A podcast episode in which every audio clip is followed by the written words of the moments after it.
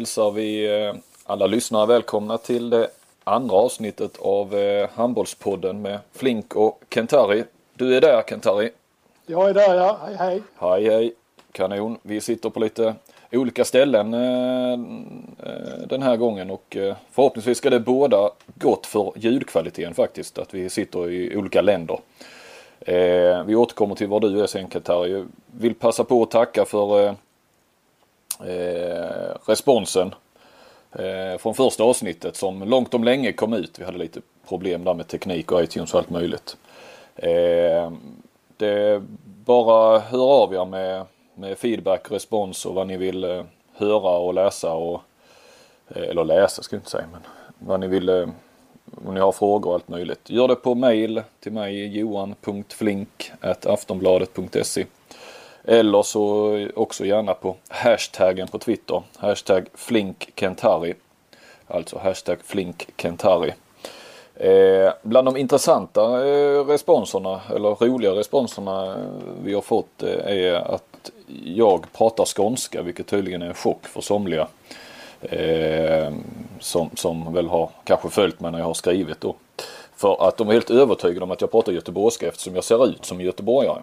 Eh, hur, hur nu de ser ut, det kan man ju fråga sig. Men det var tydligen någon koppling. De tyckte jag såg ut som en, en kusin till eh, bröderna Franzén. Och det är väl kanske möjligt eh, med det röda håret. Eh, min sambo hade också en intressant eh, när hon fick se eh, Kent-Harry på bild. Hon har inte så jättemycket koll på handboll som ni kanske hör. Eh, men när hon fick se bilden då från, från inspelningen. Det var första avsnittet så, så blev hon glatt överraskad Kent av att du eh, du såg ut som du gjorde. För hon trodde att hon kopplade liksom namnet Kentari till, som hon sa, någon som ser ut som Lars-Gunnar Björklund. ja, tack för den du. Så eh, du ska nu ta det positivt då. Det var, ja det gör jag då. Det var så hon uttryckte det. Eh, och eh, idag är det inte bara du och jag Kent utan vi har eh, en eh, celeber gäst med oss som sitter på, på ett annat ställe. Eh, jag vet inte ens vilket land du befinner dig i men eh, vi har ju Marcus Alm med oss i, idag. Var, var befinner du dig Marcus? Hej och tack. Ehm, jag befinner mig i Danmark, eh, en bit utanför Köpenhamn för tillfället. Okej, okay. jaha jag hade tippat på Malmö eller Tyskland men det blir någonstans mitt emellan då ja. Ja just det, just det. Eh, om vi börjar med, ja Kent-Harry och, och, och Marcus ni har väl en historia ihop. Eh, Kiel, Flensburg, många drabbningar kan man ha er i, i samma podd? Är, är podden tillräckligt stor för er båda eller? Jag vet inte vem som ska börja men... ja, du får väl börja Marcus, det är du som är gäst. Nej, jo men det kan man absolut ha. Eh, men det är väl rätt som du säger att, eh, att det har varit många, många hårda drabbningar mellan, mellan de två lagen. Och, Eh, Eh, men sen ska man väl säga så också att eh, det blir väl inte riktigt på samma sätt när det är en eh, tränare i ena laget och en spelare i andra laget. Det blir inte riktigt den här kontakten men, men det har naturligtvis varit så att de åren de sista åren Kantari också var i, i Flensburg och, och jag och Kiel så, så var det alltid de största matcherna, det var det utan tvekan. Det är så att, att Kiel Flensburg, är det det största rivalmötet i, i Bundesliga. Vad tycker ni? Ni som har varit med om det. Ja, definitivt under den tiden jag var, var i Flensburg så var det definitivt det.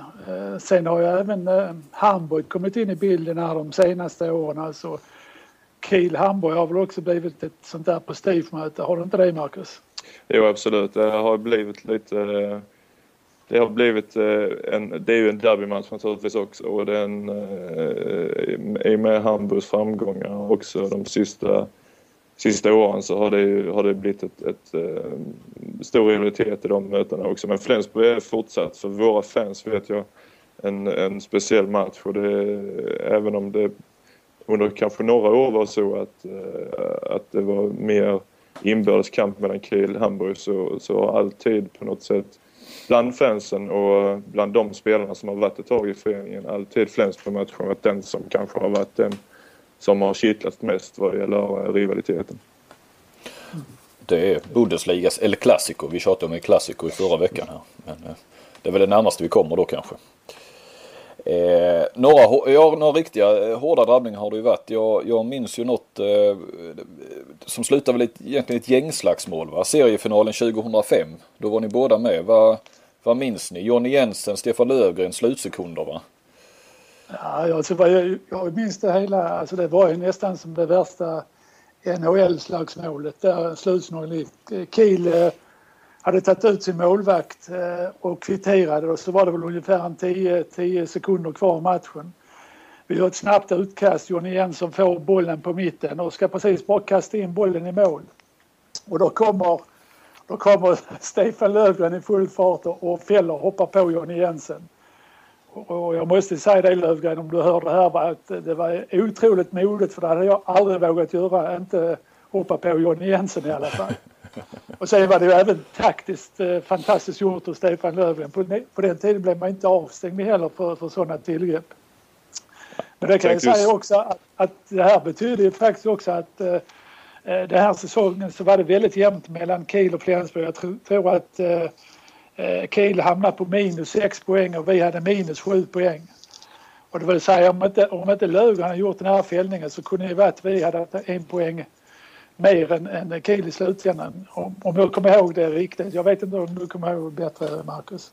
Ja, just det. Alltså jag, så kommer jag också ihåg det, att det var en väldigt tajt säsong och att den, den situationen var väldigt avgörande. Och den gav ju upphov till en väldig massa eh, rabalder efteråt om regeländringar och, och eh, hela den biten. Eh, så det var ju en, men som du säger, det var modigt gjort av Stefan men, men det, det, det slutade med att det låg en eh, 10-15 spelare i en bunke och, och, ingen visste riktigt vad som hände egentligen. Men, eh, men det, nej, det, var, det blev en viktig situation tror jag för ligan det året. Det blev det verkligen. Ja. Visst var det väl så att polisen till och med fick eh, komma in på banan?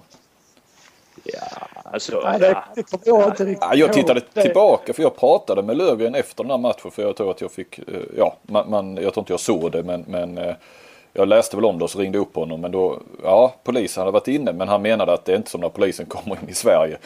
Vilket jag i och för sig inte har varit med om någon gång men det har kanske han. Eh, han menar att det var mer för att lugna ner publiken i stort sett som, som de var inne.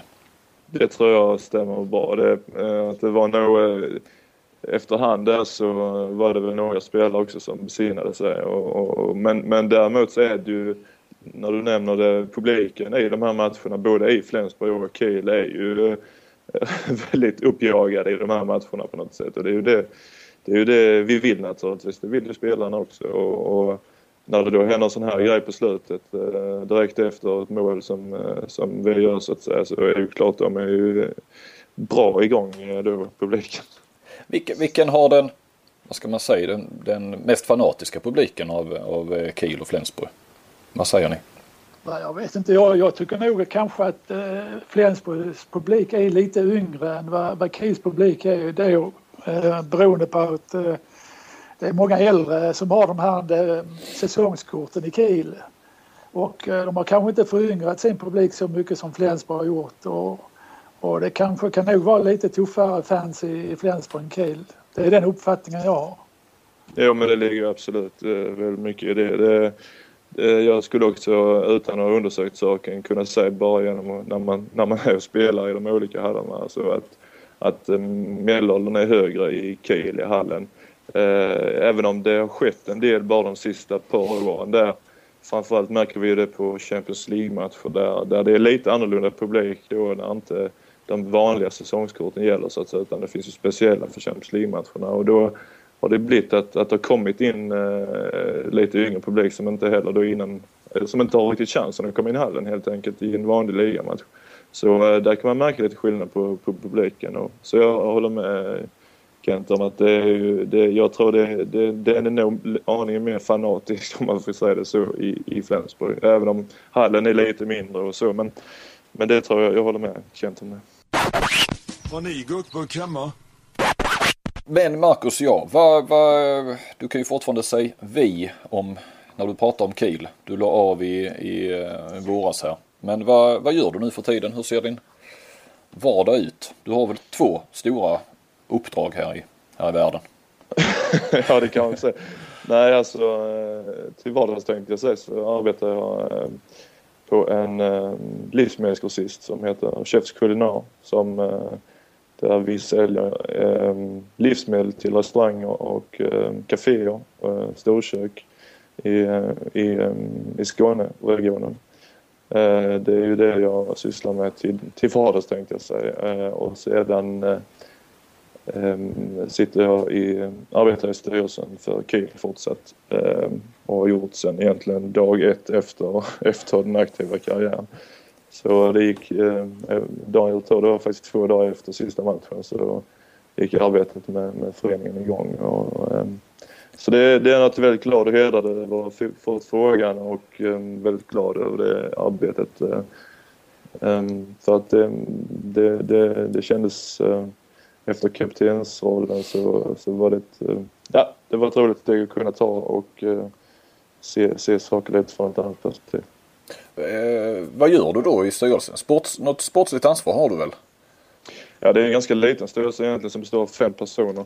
Där var och en har sitt eh, ansvarsområde och eh, det vill säga finansiella frågor, eh, juridiska frågor har vi en för en ordförande och en representant för moderföreningen så att säga. Och sen är det jag som har mitt område i sporten då. Men även om det naturligtvis är ett tätt samarbete och man, man talar om allting så, så är det definierat till viss del efter de ramarna i alla fall. Va, hur, hur i praktiken? Hur, hur ser du hur, hur fungerar ja, jobbet liksom? Vem är ja, det du? Är det, är det tränaren du har kontakt med? Är det, alltså... det är både och. Det är, för min del så handlar det ju en hel del om kontakt tränare, kontakt manager. Det handlar om att vi eh, försöker, att vi, eller inte försöker, utan vi lägger ramar för uh, var, vart vi vill hän med föreningen. Uh, vilken riktning ska vi gå? Hur ska vi Eh, agera i en del frågor. Hur, vilken, vilken politik ska vi ha så att säga i europeisk och tysk handboll. Och det är ju rätt så mycket sådana strategifrågor som, som det handlar om. Men det kan ibland även bli, bli detaljfrågor i vissa, i, vissa, i vissa fall när det handlar om laget och så vidare. Hur mycket, hur mycket, är, du, hur många mat, mycket är du på plats och ser matcher? Eller och ser du alla matcher om inte annat på, på, på TV? Och hur ofta är du i Tyskland? Och sådär? Eh, jag är i Tyskland eh, ungefär var tredje vecka kan man nog säga i snitt. Mm. Eh, och så är jag där en dag ungefär, en eller två dagar och, och lägger in så mycket möten som det går så att säga på den tiden så, så det blir så effektivt som det kan. Och sen, eh, sen ser jag det jag kan på webb eh, och eh, framförallt på webb egentligen. Det finns ju olika sätt att se det.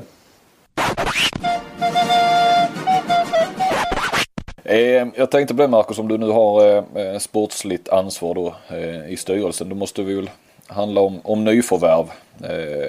om inte annat så småningom till nästa säsong. Eller det kanske du gjorde inför den här säsongen också. Va, det har ju alltid varit mycket svenskar i Kiel. är du en garant för att det ska fortsätta vara så nu då? Nej, det är nog inte så enkelt att jag säger det, att det är rätt av så. Utan jag tror, jag tror och tänker att anledningen varför det har varit Eh, Eh, mycket svenskar i Kiel är ju för att eh, vi har duktiga handbollsspelare i Sverige och Kiel har varit en förening som varit framgångsrik. Att det hänger ihop på det viset. Men det är naturligtvis så att, eh, att eh, på något sätt finns en eh, både Kiel och Flensburg som ligger, som ligger norröver i, Tyskland har en, eh, ligger nära till hands. Men både Kiel och Flensburg är framgångsrika föreningar som, som av den anledningen har dragit till sig svenska spelare. Så jag tror mer att vi ska se det som att det finns många duktiga svenska spelare och, och det tycker jag vi som svenskar, alltså som, det tycker jag svensk handboll ska ta åt sig helt enkelt. Mm. När ni tittar på spelare idag, vad, vad, är det bara helt färdiga världsstjärnor som är aktuella för Kiel eller finns det någon, eh, kan man ha en lärotid också? Eh, jag tänkte på Palmason nu, rätta mig om jag har fel, var ju ingen världsstjärna när han kom. Eh, han fick väl några år till exempel på sig lite i bakom va? Ja, det fick han ju kan man väl säga på något sätt. Men, men sen Bernhardsson var ju ett, ett undantag på ett... Alltså han är en, han är en uh, ovanlig spelare så att han var ju den absolut största talangen i sin, sin ålder. Och, uh, var i spelet ändå väldigt, väldigt mogen uh, när han var när han inte var så gammal. Så sen, sen kanske det var mer andra bitar som, som, som som Arne har jobbat med i, som mer, vad ska man säga, bitar som inte har med exakt utförandet på banan att göra utan eh, att få en, få en, få en konstant eh, prestation i sitt spel och, och lära sig sådana bitar. Det är väl mest det som kanske då har de här när du pratar om några år eh, har tagit några år så att säga. Men, men alltså rent handbollstekniskt så var han nog väldigt långt kommen redan när han kom så att säga. Men vi, det är inte så, det är inte så att, det är klart, jag tror det, men det gäller väl de flesta föreningar. Vi vill ju naturligtvis om, om det kommer spelare till oss så vill vi ju att den spelaren ska hjälpa oss så att säga. Den, vi, det är ju det som är målet varenda gång när, det kom, när man, när man eh, när man försöker få en spelare att spela för, för, för ens förening det är ju att, att vi, vi måste ju se att spelaren hjälper oss. Att, att vi vill bli bättre av den här spelaren. Eh, det, så är det ju naturligtvis. Och, och, om man har en hög nivå på spelarna som redan är där så, så är det klart att då, då krävs det en hel del för att få spelare som hjälper en framåt. Så att säga. Mm.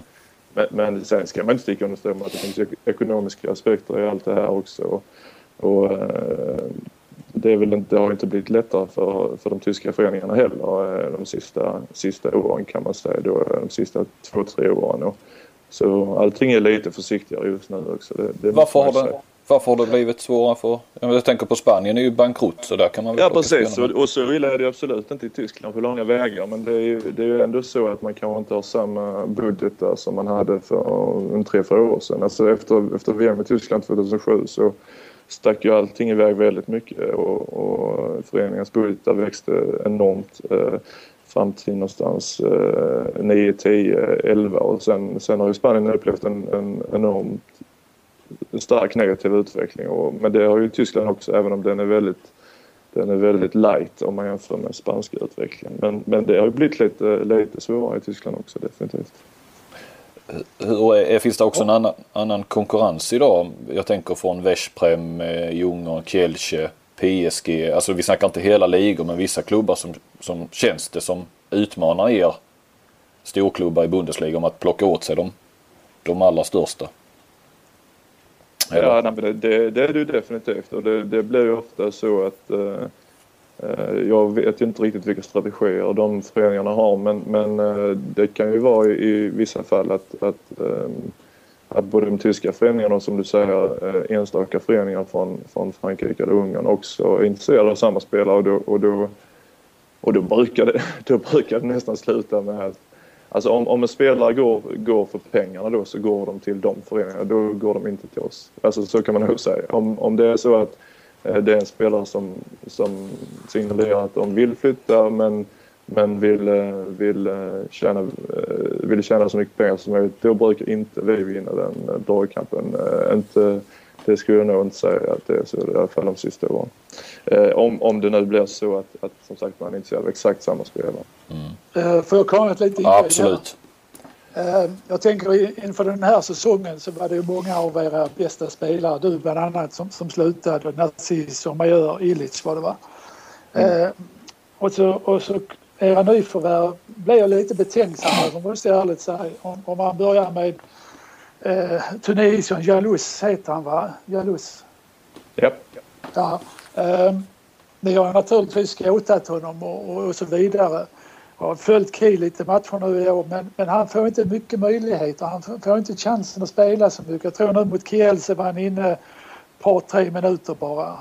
Um, det, det är jag intresserad av hur ni tänkte och sen lite grann också Lauge. Uh, för mig är ju Lauge lite samma typ som Palmarsson. Um, ehm, och sen det tredje då målvakt. Ni har, ni har ju vunnit många matcher som du själv har sagt på, på målvakt. Ni har haft en, en av världens bästa målvakter. Nu tycker jag att eh, Johan Sjöstrand är jätteduktig målvakt och, och Palicka också men, men det är inte riktigt ännu nu i alla fall, den här riktiga världsmålvakten i mina ögon. Eh, eh, min fråga är då, hur, hur tänkte ni här när ni skulle ersätta alla de här spelarna? Det, det som eh, jag kan inte riktigt svara. Jag var ju inte riktigt, alltså de här besluten togs ju för mer än ett år sedan minst. Eh, från idag räknat mer än ett år sedan och då var ju inte jag med i den planeringen på det sättet. Eh, då var jag fortfarande aktiv. Men jag kan nog säga så mycket att det, det är ju inget snack om att, att, att laget står inför någon form av generationsväxling här. Eh, om den skulle komma detta året eller den, den skulle komma nästa år är väl, eh, det kan man ju diskutera naturligtvis. Men, men eh, att den behövde komma var ju helt klart. Eh, och, så, och sen blir det naturligtvis avvägningar. Vad är möjligt, vad, vad är möjligt att göra? Vad, vad, vad finns det för tillgängliga spelare? Och, men, men vi ser ju det med Palle till exempel så att eh, som naturligtvis har fått stå tillbaka mycket för, för Omaye under, under ett antal år här att, att vi att Palle har eh, lärt sig mycket på de åren och kan, eh, kan ta eh, kan ta, ta steg framåt. Eh, och med, är med detta nu att, också att eh, Thierry inte är där med helt enkelt. Och, att vi, vi tror att han kan göra det. Och vi um, och Johan till honom, de är ett målvaktspar som har fungerat bra på, i landslaget till exempel. Och även, och även tidigare. Så eh, allt sånt här är ju naturligtvis alltid avvägningar hur man, hur man väljer, vilken väg man väljer att gå. Men generationsväxlingen var nog klar att den var tvungen att komma. Sen, sen när man skulle göra ett sånt stort eh, sån stor ändring på en gång som det blir nu, alltså fyra vad ska man säga, etablerade spelare som slutar på ett bräde eller man, skulle, att man, eller man gör den mer glidande. Ja, det är ju eh, rätt så mycket en, en tränarfråga också eh, där vi eh, i sådana fall även lyssnar på tränare för att vi ser ju, eh, vi tycker eller vi är ju en traditionsförening och vi vi försöker jobba eh, på, på lite längre sikt och, eh, och eh, då togs det här beslutet att göra det på det här, på det här sättet. Ja, för, för en av styrkorna hos Kiel genom åren det tycker jag är ju den här kontinuiteten både på tränarsidan och spelarsidan. Mm. Om man har tagit in nya, nya spelare så är det en max två stycken och så har man då lättare slussats in i den här vinnarkulturen som jag har haft en mm. massa år. Mm. Och den har man ja, ju gått så... lite ifrån här va? Men, men jag förstår vad du menar. Det är så tanken är. Men ja, precis. Det är ju lite, de här observationerna är ju lite, även om jag har varit mitt i det så är det lite ändå på avstånd. Jag har inte varit med när de besluten har tagits på det sättet för då var jag fortfarande aktiv. Men det är ju lite, så man kan mer ta det som mina observationer av det hela. Ja. Alltså för, för mig så hade det då varit naturligt att om man heter Kiel då hade man tagit Mikkel Hansen och eh, Landin dit, målvakten som spelar i Ekelöf. Eh, för, för att behålla sin position helt enkelt. Men, men, där, men där kan jag nog säga att där finns det ju som sagt ekonomiska incitament okay. också ja, ja, oavsett, ja, oavsett, oavsett vilket. Ungefär vad Mikkel Hansen tjänar i jag, jag vet inte vad han har i och för sig men, men, jag, men han hade nog, eh, han har kanske ett par euro mer än vad du hade i Kiel. Ja, det kan ju hända. Men, eh, jag kan bara sticka in Marcus Kent. Han berättade det för han, hade, han har ju mm. Eh, djupa försänkningar i den franska ligahandbollen.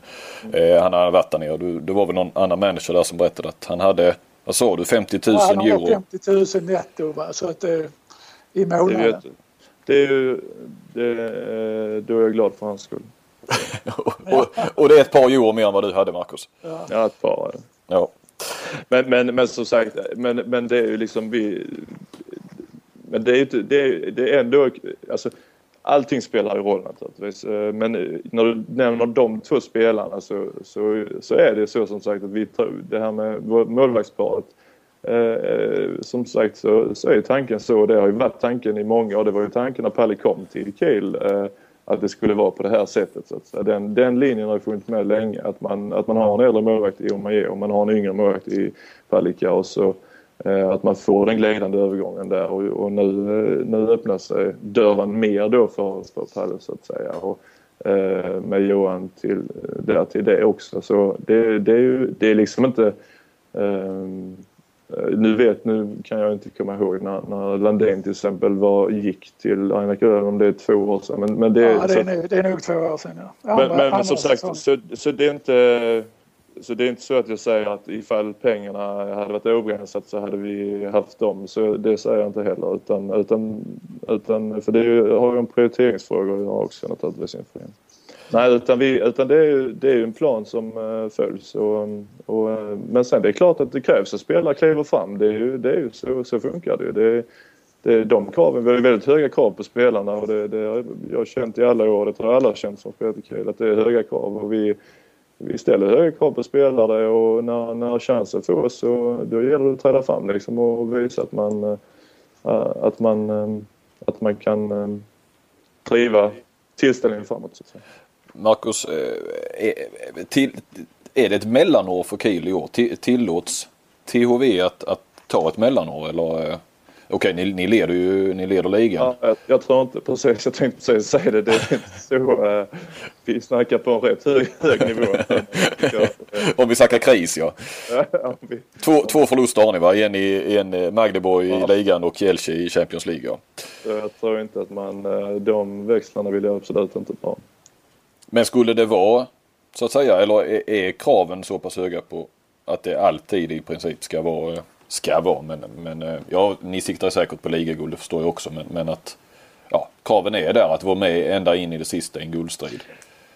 Jag vet inte om vi är inne på det här med vinnarkultur och lite också där kanske så är det ju, eh, kan jag nog ärligt säga att i, i inom laget så har, har det sällan varit eh, så att vi har pratat om eller att vi pratar om vad de andra tycker, eller vad sådana som jag nu i föreningen tycker om framgångar eller inte icke framgångar. Utan det som har varit är att laget i sig har haft, har haft och har eh, väldigt höga krav på sig själv och i gruppen och på varandra inom gruppen framförallt. Alltså det är väldigt, väldigt tydligt och har varit tydligt att vi ställer höga krav på varandra också så att säga, alltså inom gruppen och, och därför så eh, har det blivit ett normaltillstånd så att säga. Så att det har blivit, det, trycket från din medspelare är större än det som kommer uppifrån styrelsenivå eller från fannivå eller så. Uh, så det, det tror jag inte att... Alltså det blir, det blir lite konstigt när man säger skulle det vara, skulle det vara kris om inte Kiel skulle vinna ligan. Ja, alltså för spelaren skulle det vara det, helt säkert. Eh, men det är ju för att spelaren har höga krav på sig själv och vi som spelare hade och har höga krav på varandra.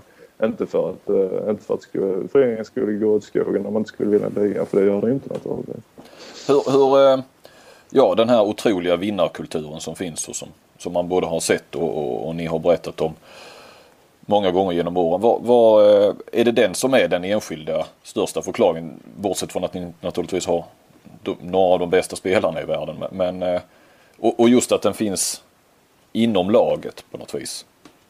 Ja, ja, jag vet inte om Kent ska, jag vet inte hur han ser det hela men som, som jag ser det så är det, det, handlar det väldigt mycket inom laget. Det, genoms, det är väl genomsyrar naturligtvis föreningen i sig men, men det är ändå på något sätt laget och de spelarna man har ska ju göra jobbet på träning och på match så att säga. Och det, sen handlar det väl mer om för föreningen att möjliggöra den prestationen så att säga. Men, men men det är ju, jag tror att eh, mycket av hemligheten ligger i att, eh, att eh, det här som jag säger med, med kravbild och, och framförallt vill, att tycka att det är jäkligt kul att vinna.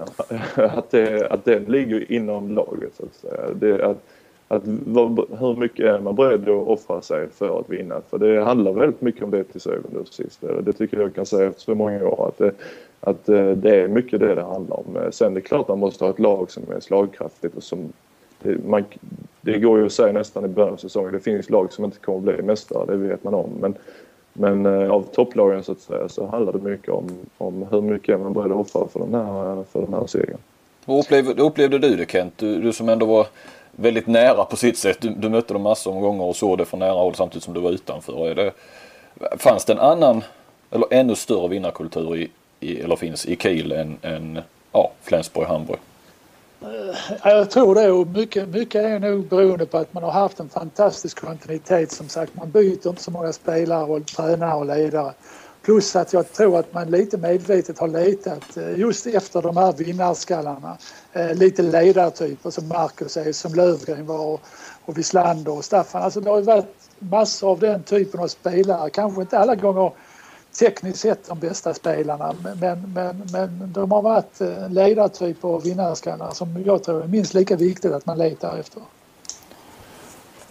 Jag vet inte om du håller med mig Marcus? Ja men jag tror att det är fortsatt så. och Det har varit så det, naturligtvis att vi tittar väldigt mycket på, på typer så att säga när vi, eh, när vi när vi, när vi tar kontakt med spelare. Det är väldigt viktigt som du säger Kent. Det, det är en grej som är som ibland kan eh, absolut uppväga tekniska tekniska mm, svagheter så att säga i vissa fall. Eh, för det, det, det, det, kan, det kan jag bekräfta att eh, i de samtal som förs angående nya spelare, befintliga spelare så är det en central punkt, absolut. Hur, hur spelartypen är. Alltså inte hur spelartypen är så att hur man rör sig på banan utan, utan eh, hur, hur gärna den personen vill vinna matchen. Liksom. Hur, hur, absolut, det tittar vi på. Det, det är ett centralt begrepp. Marcus, vilka, vilka svenska spelare tittar ni på? Uh, vi har ständigt ett öga i alla riktningar. ja, jag visste att du skulle svara ungefär så. Mm. Eh, en man av principer är du. Det var vi inne på tidigare. Och eh, är du med så måste man ju naturligtvis ställa frågan för det är ändå många som kanske återigen vill ha svar på det. Eh, varför spelar du inte i landslaget sista fem år av karriären?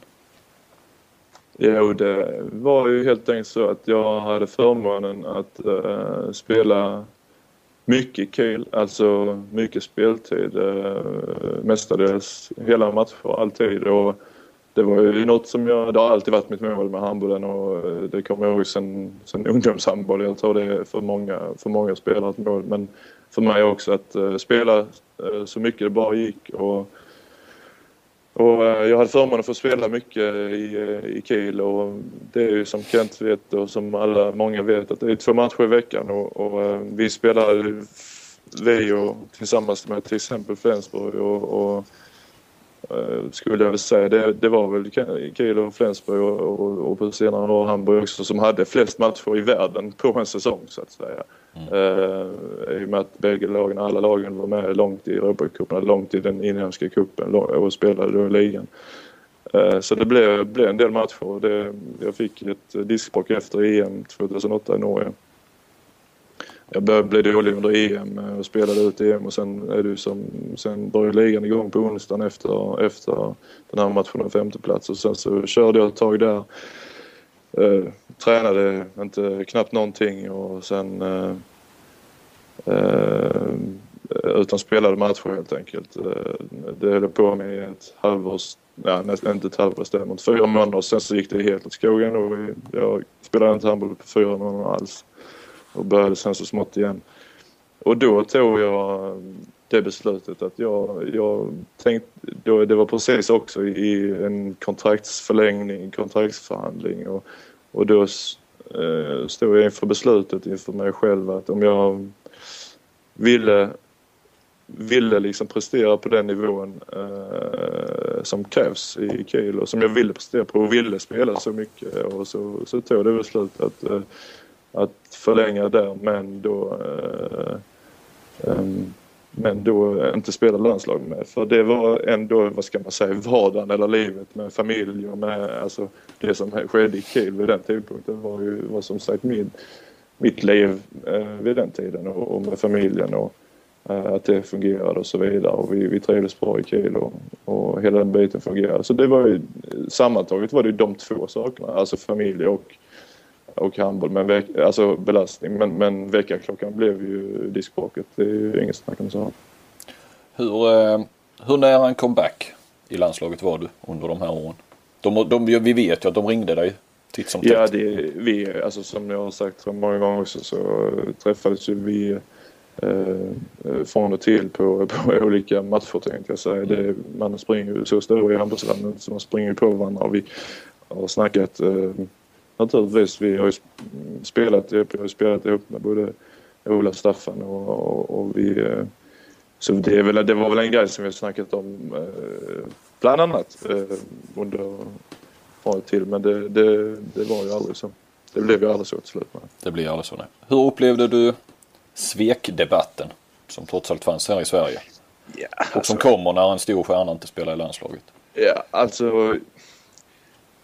Eh, jag försökte väl på något sätt i den frågan också bli, eh, hålla mig, alltså när jag tagit beslutet att inte spela med så, så försökte jag väl så, så långt det gick liksom hålla mig till det och inte, och inte försökte svaja så mycket i det beslutet så att säga. Och, eh, men att folk har en uppfattning om det, ja det är ju det är ju det är på något sätt det vi vill. Att vi vill ju ha intresse kring sporten och vi vill ju att folk ska bry sig. Och, eh, sen kan man ju naturligtvis alltid, som jag tror alla som alla som på något sätt råkar illa ut i media eller något så, så kan man ju tycka att eh, det saknas, att man det kanske inte man skulle gärna vilja ha haft mer, fått ut mer information eller sånt eller sådana saker men, men att, att, att människor att människor liksom engagerar sig och så. Egentligen på något sätt, på, om man försöker se det i ett större perspektiv, så är det ju bra. Men även om det, träffar, även om det kan träffa personer, och särskilt i media, hårt så att säga.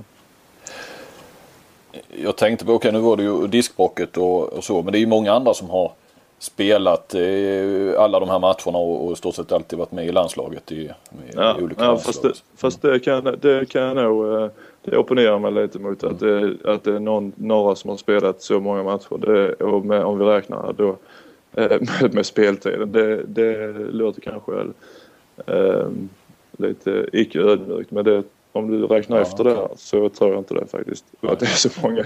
Så, alltså om vi räknar minuter och, och, eh, och matcher. Men, men, och sen, men, men det är ju, jag, jag vill inte lägga någon, jag vill inte lägga någon var han gör som den vill helt enkelt. Och, eh, eh, men det jag vill säga, det som blev lite för min del var kanske det här med att man glömde bort att jag hade spelat sju eh, eller mest åtta år i landslaget innan. Alltså det kändes som att eh, det var lite sådana. Men, men som sagt allt det där är ju, är ju kanske, det är omöjligt att ha den diskussionen med, med alla människor. Media skriver ju och säger lite valda delar av det som sägs. Så det, det, är något man känner till när man är med i, den här, i, i sporten på den nivån. Och, eh, Eh, jag tror man vet hur det fungerar. Viktigt är väl att man, att man för sig själv känner att man gör det på rätt sätt och att de i ens närhet har den informationen som de behöver så att säga. Mm. Och nu tänkte jag vi glider in lite på, nu är det ju landslags eh, ja, uppehåll nu då i ligorna och eh, Sverige ska spela Supercup i, i Tyskland och Kent är med sitt Norge uppe i Drammen va och ska Eh, med, med, Golden League tror jag det heter där. Eh, och nu så om man då tittar på, på det svenska landslaget så saknas ju eh, Kim Ekdahl Rie återigen. Han har alltså igen, i princip inte spelat i landslaget sedan i OS. Han var med tror jag igen Eh, om det var någon Ukraina där på hösten. Och sen så satt han väl nästan på bänken hela matchen mot Holland om jag nu har rätt rätt motståndare för mig. Eh, Järnemyr har också varit borta mycket. Eh, Kim la ju av, kom tillbaka och är ju skadad. Alltså varje fall är naturligtvis unikt. Kjellman eh, har varit skadad, har tackat nej, har opererats, har flyttat hem och så vidare. Eh, där är väl egentligen de idag våra fyra största stjärnor. Jag tror att under OS så var ju alla med men annars så tror jag vi får gå väldigt långt tillbaka innan vi hittade liksom där vi verkligen hade bästa laget. Eh, varför ser det ut så i Hammarby? Jag tänker på en sån som Zlatan som onekligen också är hårt belastad. Han, han kom hem numera i varje fall och, och spelar varenda landskamp. Eh, varför, varför, som sagt varje fall är kanske unikt men, men eh, varför saknar vi så många av våra, våra största stjärnor i, i, i handbollslandslaget? Nästan alltid är det någon som är, som är borta från de här storklubbarna. Eh, är belastningen för stor? Fråga till er båda. Ja, det tror jag är, kan vara en bidragande orsak. Jag vet ju själv som tränare att man, man var inte så där jätteglad när de skulle iväg på de här eh, veck, eh, veckolånga landslagssamlingarna.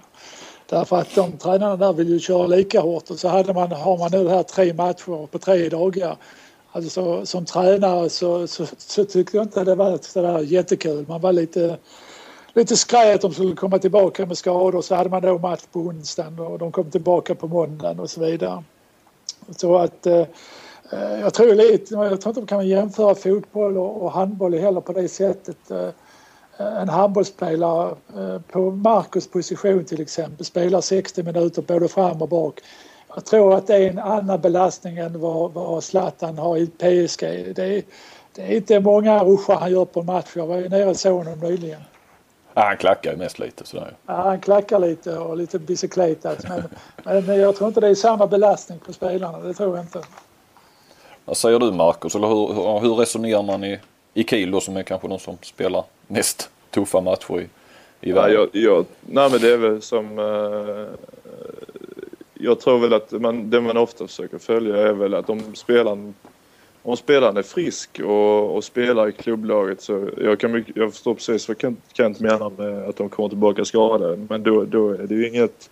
Då, då, då, är, då säger man väl ingenting så att säga. Det, det man börjar få problem med är ju när spelare inte spelar i klubben men sen spelar i landslag och, och sådär. Då blir det...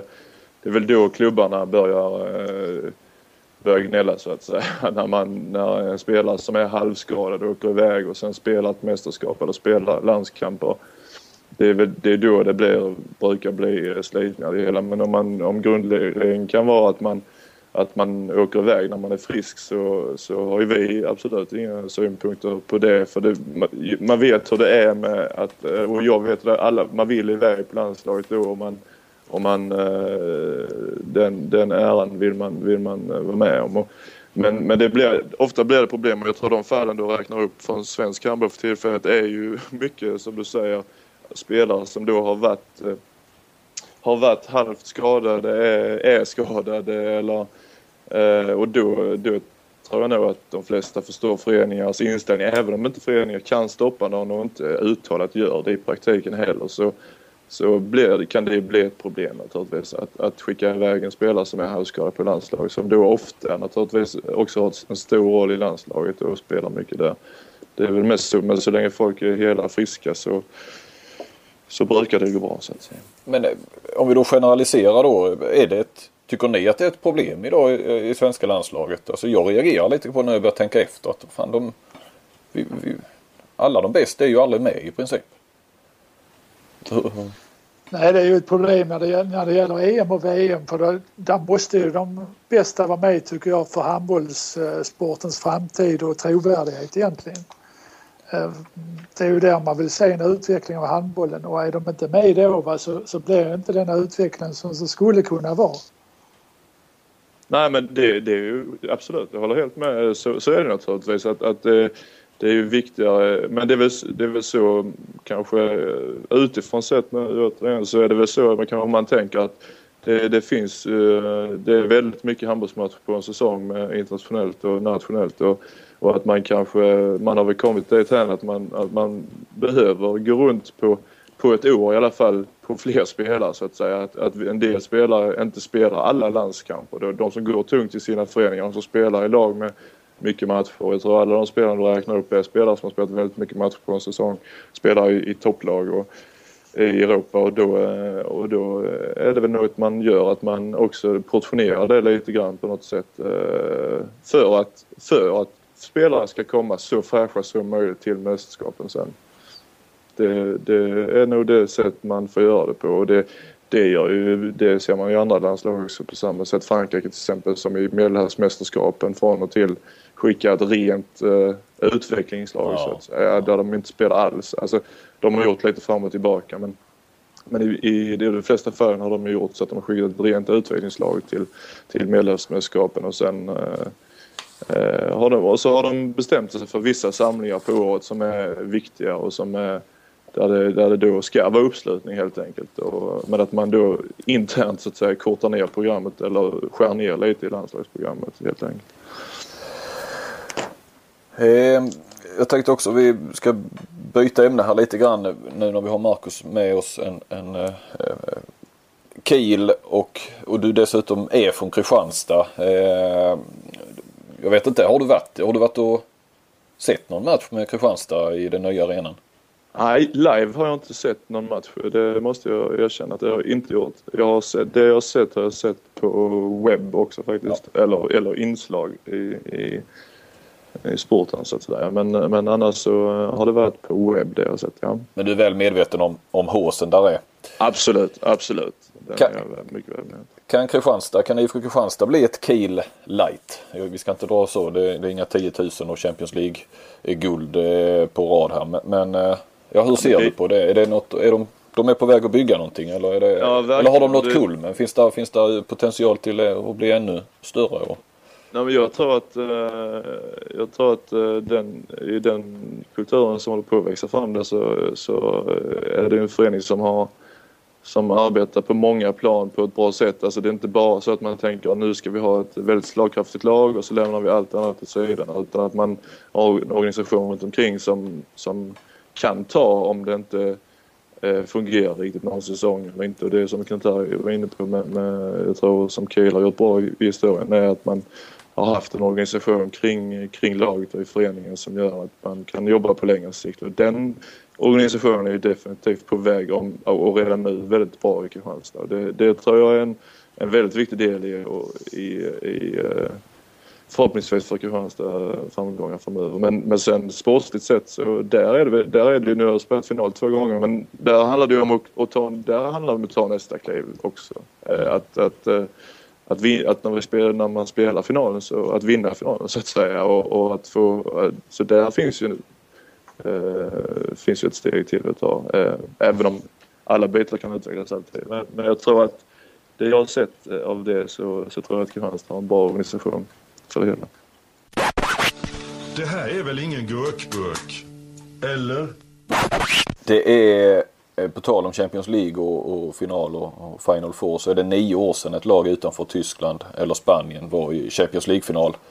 Eh, och faktiskt om vi tittar på ska vi se, de senaste sju åren så är det alltså 28 semifinallag så är det bara tre som inte har varit spanskt eller tyskt. Vad, eh, när och vilket tror ni blir nästa lag utanför Tyskland eller Spanien som, jag säger, som når en Champions League-final?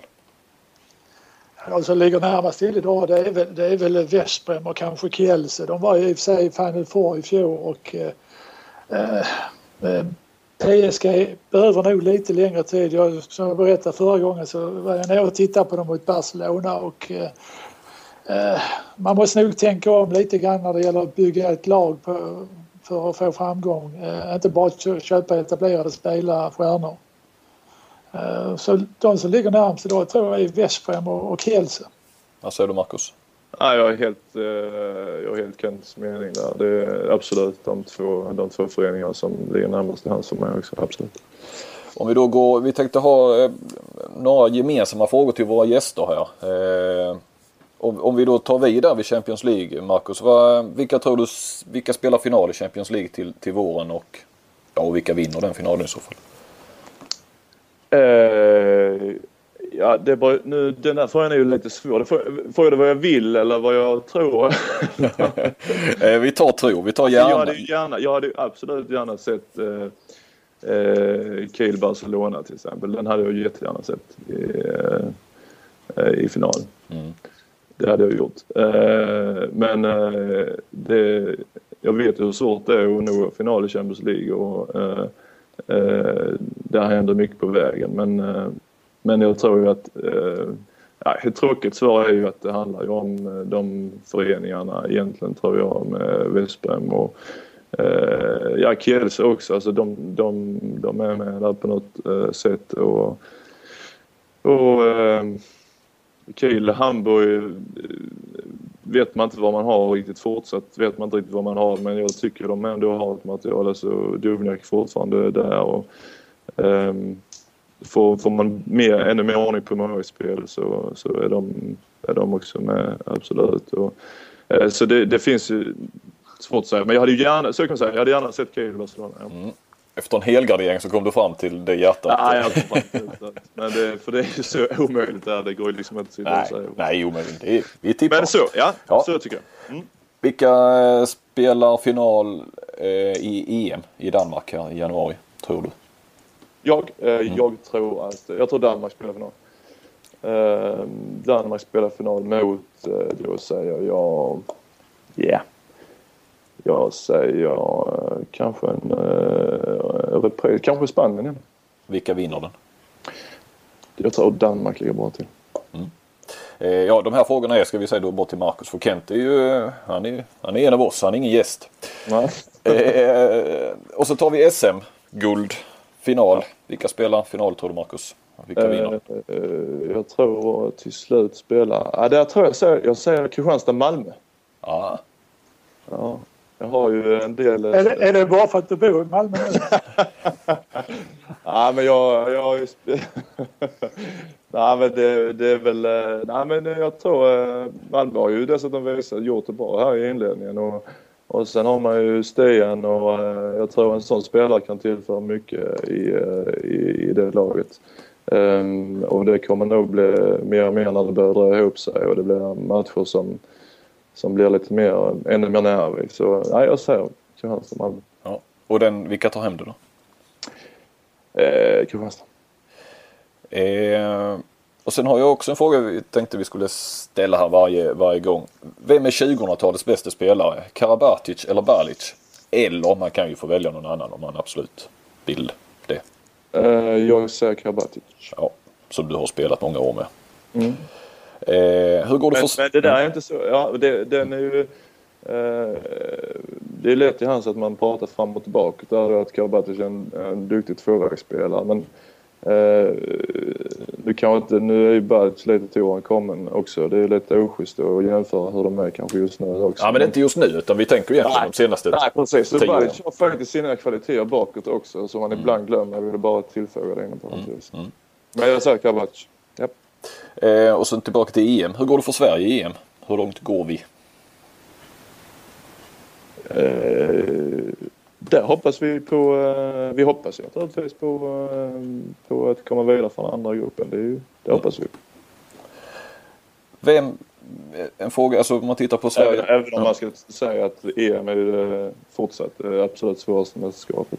Ja, finns inga, Det- inga det- blåbär, inga Det räddningsplankor. vet ju alla som håller på med handboll. Mm. Eh, om man tittar på det svenska laget där tycker jag det känns lite både spännande och ovisst vem som ska, vem som ska vara mittnia i det här. Vem som ska styra spelet. Vem, eh, vem tycker du? Vem är, vem är första val på mittnia i, i EM för Sverige? Vad tycker du? Ja, jag tycker eh, i Tyskland har ju Fahlgren gjort det väldigt bra. Mm. Eh, jag har sett honom för lite i landslaget måste jag säga. Eh, men... eh, Det är inte så många som har gjort det. Han har ju knappt varit med. Men, men, Nej, men- jo, han har varit med nu. Men han har inte varit med i mästerskapet. precis. Nej, nej. men eh, han har gjort det väldigt bra i Tyskland. Tycker jag. Han har haft en enorm utveckling eh, som jag ser det. Och, eh, det var ju Flensburg först och, och men, men har Melsungen styr han det spelet på ett väldigt bra sätt tycker jag. Väldigt bra. Gör eh, Sen, eh, sen om det passar honom bättre, eh, alltså de spelarna där jämfört med Flensburg. Och sen är det väl en viss, naturligtvis var det en annan konkurrenssituation i Flensburg också, det måste man väl säga. Men eh, jag tycker han gör det bra i Tyskland. Mm. Kent, det är ju en aktuell fråga. Det känns som lite, vi kan ju säga också att i, i, nu i Supercup så är det ju Fahlgren och Jim Gottfridsson som är, som är där och där. Och sen har vi ju Laholm då som en vänsternia mittnia på något vis. Eh, Så det Sen gäller... tycker jag, inte, jag tycker inte man ska glömma Lukas Karlsson. Jag vet inte om han är skadad. Eller, men han, eh, han har gjort en jättebra säsong hittills i år. Mm.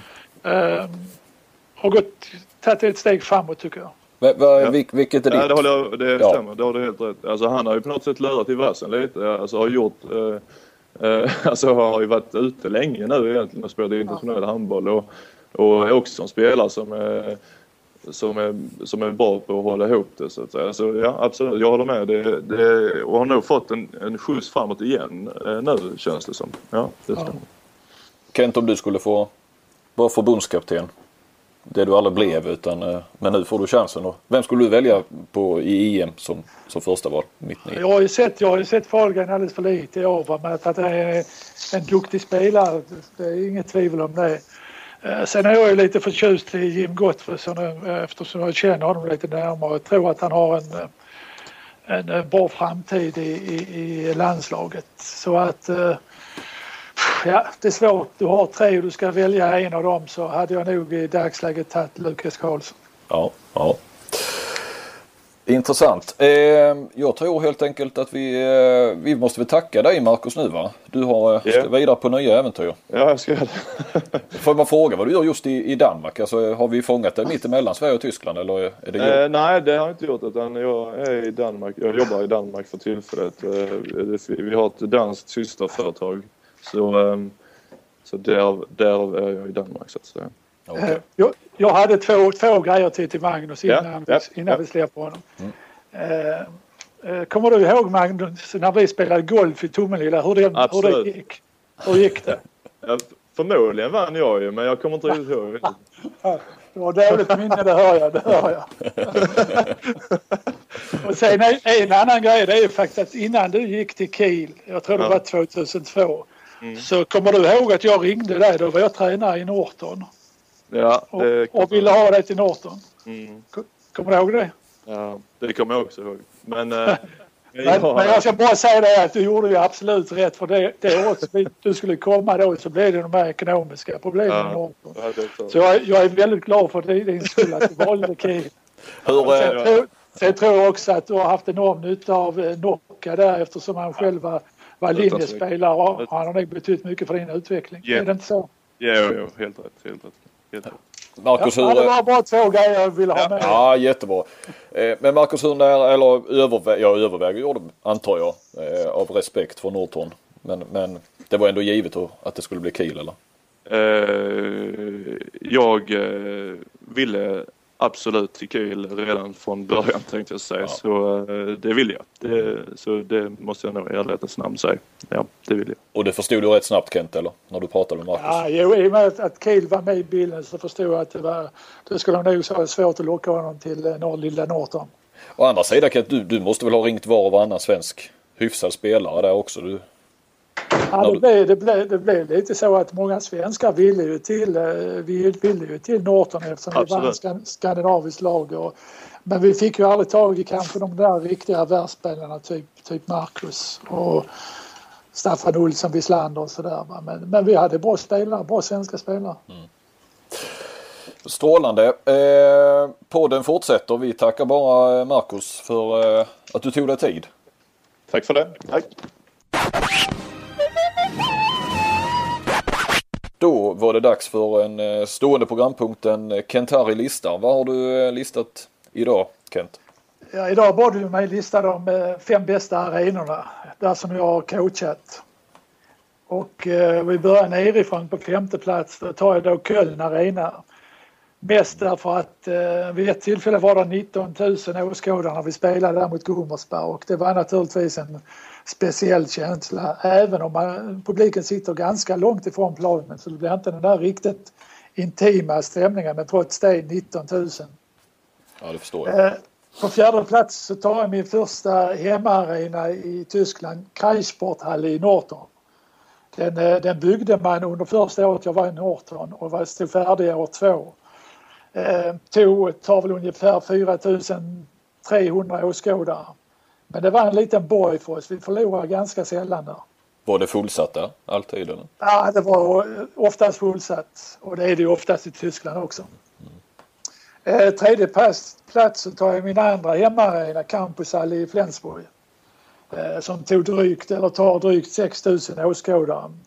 En otrolig stämning alltid och eh, också svårt att vinna över Flensburg i Cam- Campushall och det är det fortfarande.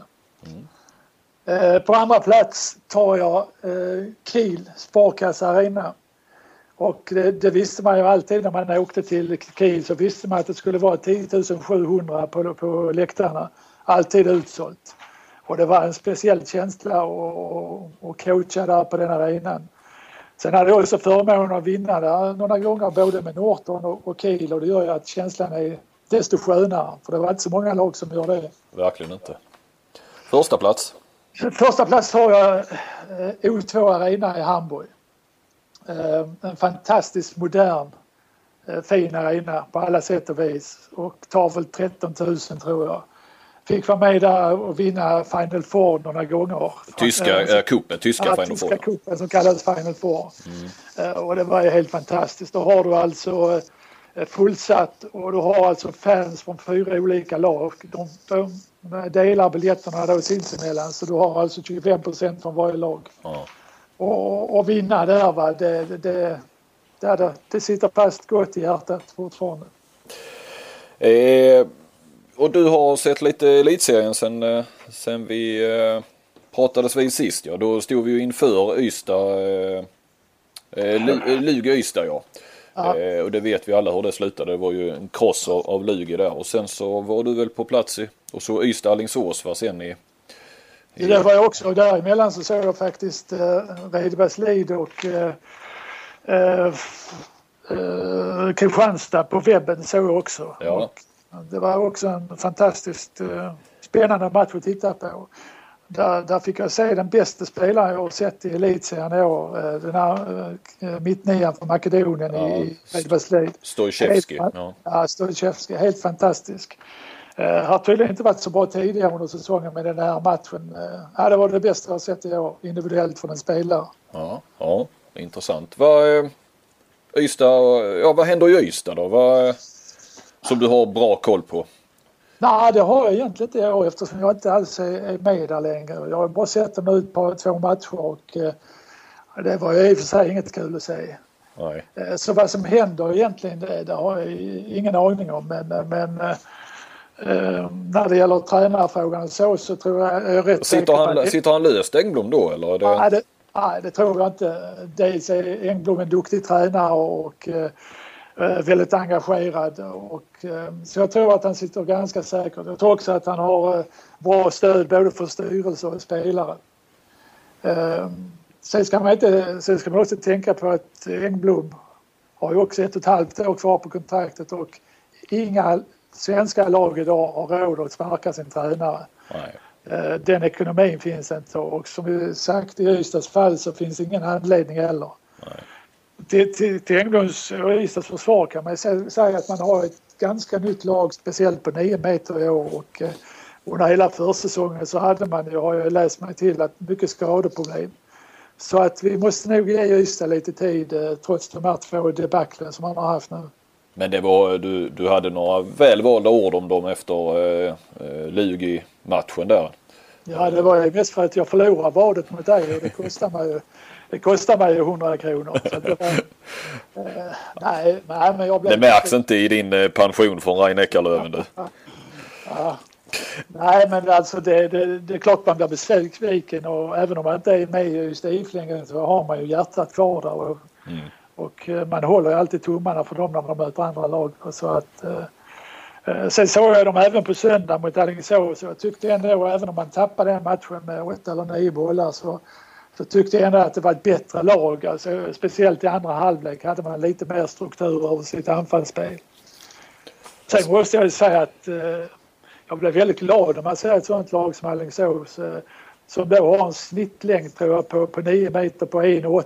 Ja. Och man tänkte i den matchen hur ska de kunna klara det här va? men oj vad det gick undan. Ja. Spelar härlig underhållande snabb handboll. Eh, försvaret väldigt rivet, spelar 6-0 med en slags man-man och, och sen fantastiska omställningar, snabbt kontringsspel. Uh, jag tyckte det var positivt att se den typen av handboll. Eh, härligt. Du, en, en annan snackis här i elitserien är ju, eller i varje fall i Kristianstad och där blir ju eh, snackisarna där blir väl nästan på riksnivå ständigt och jämt. Eh, drar Ola Lindgren efter den här säsongen eller? Han eh, sägs ju ha bud från, från Bundesliga. Vad tror Alltså, du? nu har, nu har, jag vet att han har anbud från Bundesliga och nu har jag inte fått något slutgiltigt svar av Ola men jag har ju lite den här känslan. Han är, han är en fantastisk klubb i Kristianstad. Det bästa man kan vara i, i, eh, i Norden kanske. Med eh, otroliga utvecklingsmöjligheter. Han, han har ett eh, jobb som jag vet han trivs jättebra med eh, som förbundskapten. Jag tror det ska mycket till om man ska flytta på sig. Ja för det är väl så att om han flyttar till Bundesliga så förmodligen låter de inte honom fortsätta som Ja, det eh, tror jag inte. Det tror jag inte. Det kunde han göra i Rein Eckerlöven därför att då hade han ju kontrakt i, i Svenska handbollsförbundet. Men, men eh, om man går dit nu så, så tror jag inte han kan eh, behålla det. Han kan ta med dig som assisterande så kan han väl fortsätta dubbelköra. Jag är pensionär nästa år, 65 fyllda och trivs väldigt bra med det. Ja, du har ju mycket nu. Du har ju podden med ju så att eh, Podden, podden tar ju mycket tid, det kan jag säga. dig. Vi får börja löneförhandla snart. Eh, det där hörde jag inte, det sista där. Nej, jag förstår det. Du, eh, du skyller mig 100 spänn men du kan ju få chansen att eh, vinna tillbaka dem. Eh, det blir helt enkelt kvitt eller dubbelt. Vi har ju det också som en stående, stående punkt här. Eh, ett vad mellan oss. Eh, om vi då tittar framåt här nu så så tänkte jag du, eh, du är i Norge nu. De spelar en, en, en turnering på hemmaplan. Inga dåliga tre matcher eller motståndare de har va? Är fantastiskt. Det är Kroatien först, sen har vi Frankrike och sen Danmark sista dagen. Det är ju alla som har möjlighet att bli Europamästare egentligen. Så det är verkligen tufft motstånd. Eh, jag tänkte bjuda in dig i matchen igen här då i valslagningen. Va, eh, Jag säger att eh, Norge kommer inte att, ta en poäng här i, eh, i någon av de här matcherna. Vad sätter du emot? Ja, då måste jag ju sätta emot och så återigen så får jag tippa med hjärtat. Du, du kan ju hitta rätt grejer, det märker jag. ja precis. jag kan dina svaga men jag, punkter. jag, jag sätter emot. Jag tror att Norge tar minst en poäng i den här turneringen. Ja.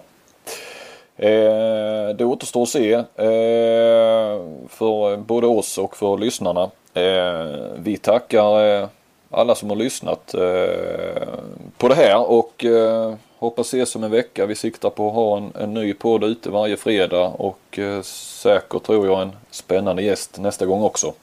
Eller vad säger du Kent? Ja, vi får väl ut och titta på marknaden vad det finns att få in.